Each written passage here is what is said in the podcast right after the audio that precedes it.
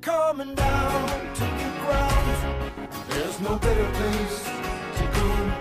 We got snow upon the mountains, we got rivers down below. השיר שמסיים את הסרט וואלי, Back to the Ground, חזרה לכדור הארץ, מבטא יותר מכל את השאיפה של הסרט לאחד בין שמיים וארץ, להשיב את האנושות אל הקרקע. החיבור הזה הוא לא חיבור חיצוני, הוא לא חיבור פיזי, הוא חיבור פנימי עמוק בין שני, אה, איך לקרוא לזה? גורמים כל כך שונים.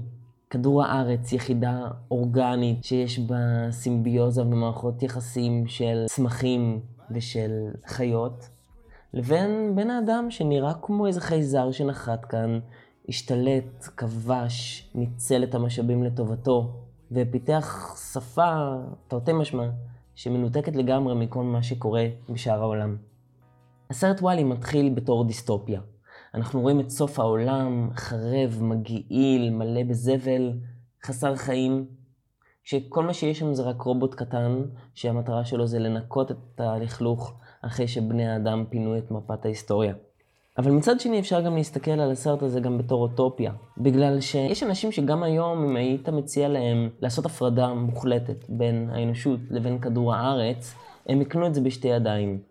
החברה של בני אדם שעפה לה שם בחלל היא חברה אוטופית במובנים אקולוגיים. זה אקו סיסטם סגור, בלי פסולת, בלי אלימות, בלי פשעים. מצד שני הוא גם כן דיסטופי בגלל שבני האדם שם כבר הפסיקו להיות בני האדם. זאת אומרת, המערכת האקולוגית שם, הסגורה, היא מתפקדת באיזושהי צורה, אבל בני אדם הפכו להיות בלובס, הפכו להיות בועות חייזריות, שלא באמת מסוגלות לבטא שום דבר אנושי בהתנהגות שלהם. אפילו יותר מזה, יש כאן איזו אקולוגיה שהולכת יד ביד עם קפיטליזם קיצוני. במקום להיות יצרניים, הכל וירטואלי.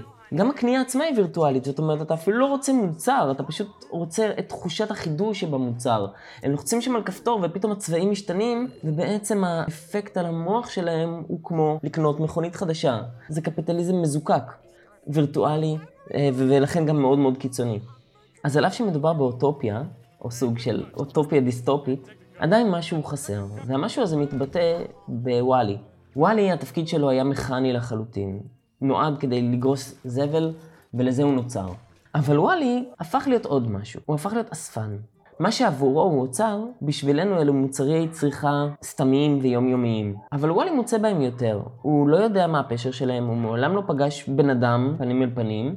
יש לו רק כל מיני אובייקטים, שאותם הוא עוצר בתוך סוג של מחסן, מוזיאון קטן, לתולדות היומיום האנושי. שם הוא מקטלג ומסדר את האובייקטים השונים, מבלי לדעת מה השימוש האמיתי שלהם. וזו הסיבה שוואלי הוא הדמות שעומדת במרכז החיבור הזה בין הטבעי, בין העולם, לבין בני האדם. וואלי אוהב את האנושות, על אף שהוא חי בעולם שכולו קורבן למעשים האנושיים, האמפתיה שלו ליכולת היצירה האנושית היא זאת שמציפה בו את הניצוץ שגורם לנו כצופים להזדהות איתו ולא לראות בו רק מכונה. המוצרים שהוא אוסף הם לא יצירות אומנות גדולות, אלא להפך, אותם דברים שאנחנו, שבאים בביקורת לתרבות הצריכה, בזים להם. משחקים קטנים, אותם צעצועים, מכוניות, מיקרוגלים, כל הדברים שאנחנו נגאלים מההרס שהם גורמים לעולם בכך שהם הופכים לזבל. אז וואלי בונה לעצמו מוזיאון, והמוזיאון הזה בנוי קצת כמו מקדש, אבל במרכז עומד ארון הברית. ומה הוא? טלוויזיה, שבה מוצגת קלטת וידאו, שמאוד מרגשת אותו. כי כל מה שרואים בה זה גבר ואישה מחזיקים ידיים.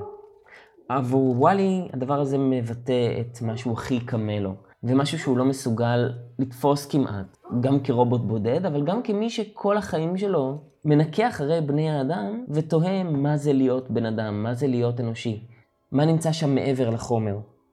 החיבור הזה שוואלי מוצא בין גברים ונשים נראה לנו די uh, טריוויאלי. Uh, אבל בעולם של וואלי, מכמה סיבות, זה הדבר הכי לא מובן מאליו בעולם, וזה קשור קצת למיניות של וואלי. וואלי, לכל מי שצופה בסרט, נראה די בבירור שהוא דמות זכרית, בזמן שאיווה היא דמות נשית. אבל אם נסתכל על המאפיינים שלהם, הם קצת מהווים ארכיטיפים הפוכים.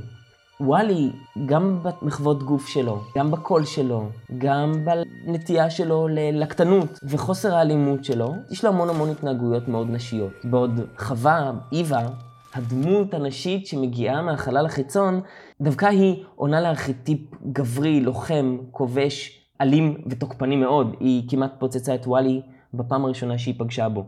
אבל עם הזמן אנחנו רואים שההיבטים המיניים שלהם משתנים. קודם כל, יש סצנה נורא נורא יפה שבה וואלי מקטלג את החפצים שהוא מצא. יש מקום שהוא שם בו מזלגות, ויש מקום שהוא שם בו כפות.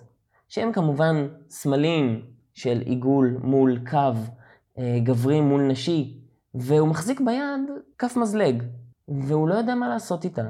הוא מתלבט אם לשים אותה בצד של המזלגות או בצד של הכפות, ובסוף מניח אותה ביניהם. גם חווה, איווה, שמגיעה לעולם והיא תוקפנית ואלימה, בזכות וואלי ובזכות הצמח שהוא סוג של ילד משותף שלהם, מגלה בתוכה, בצורה לא רצונית, תכונות נשיות.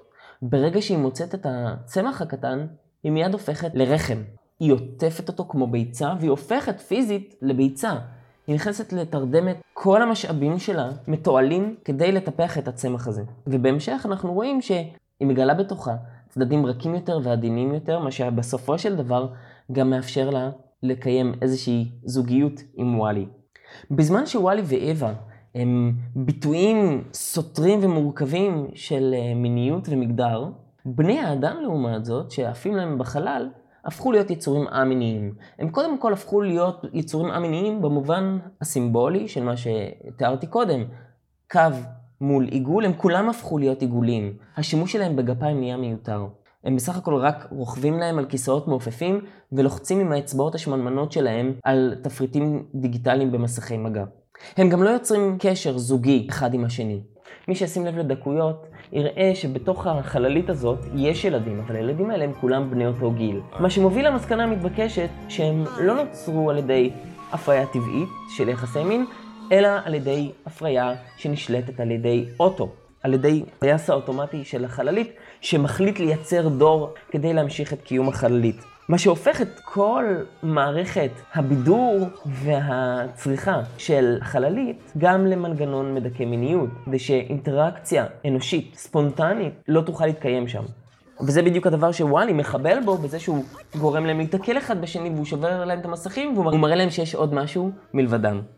אם נלך עוד צעד עם כל המוטיב הזה של גברי ונשי, נראה שאוטו, שהוא בעצם הרע של הסיפור, אבל לא ממש, כי אין לו שום כוונות רעות, הוא פשוט עושה את העבודה שלו, שזה להמשיך את המנגנון של החללית לעולמי עד. אוטו עצמו בנוי מעיגול, אבל גם שיוצאים ממנו קווים, פינים, כמו בהגה של ספינה.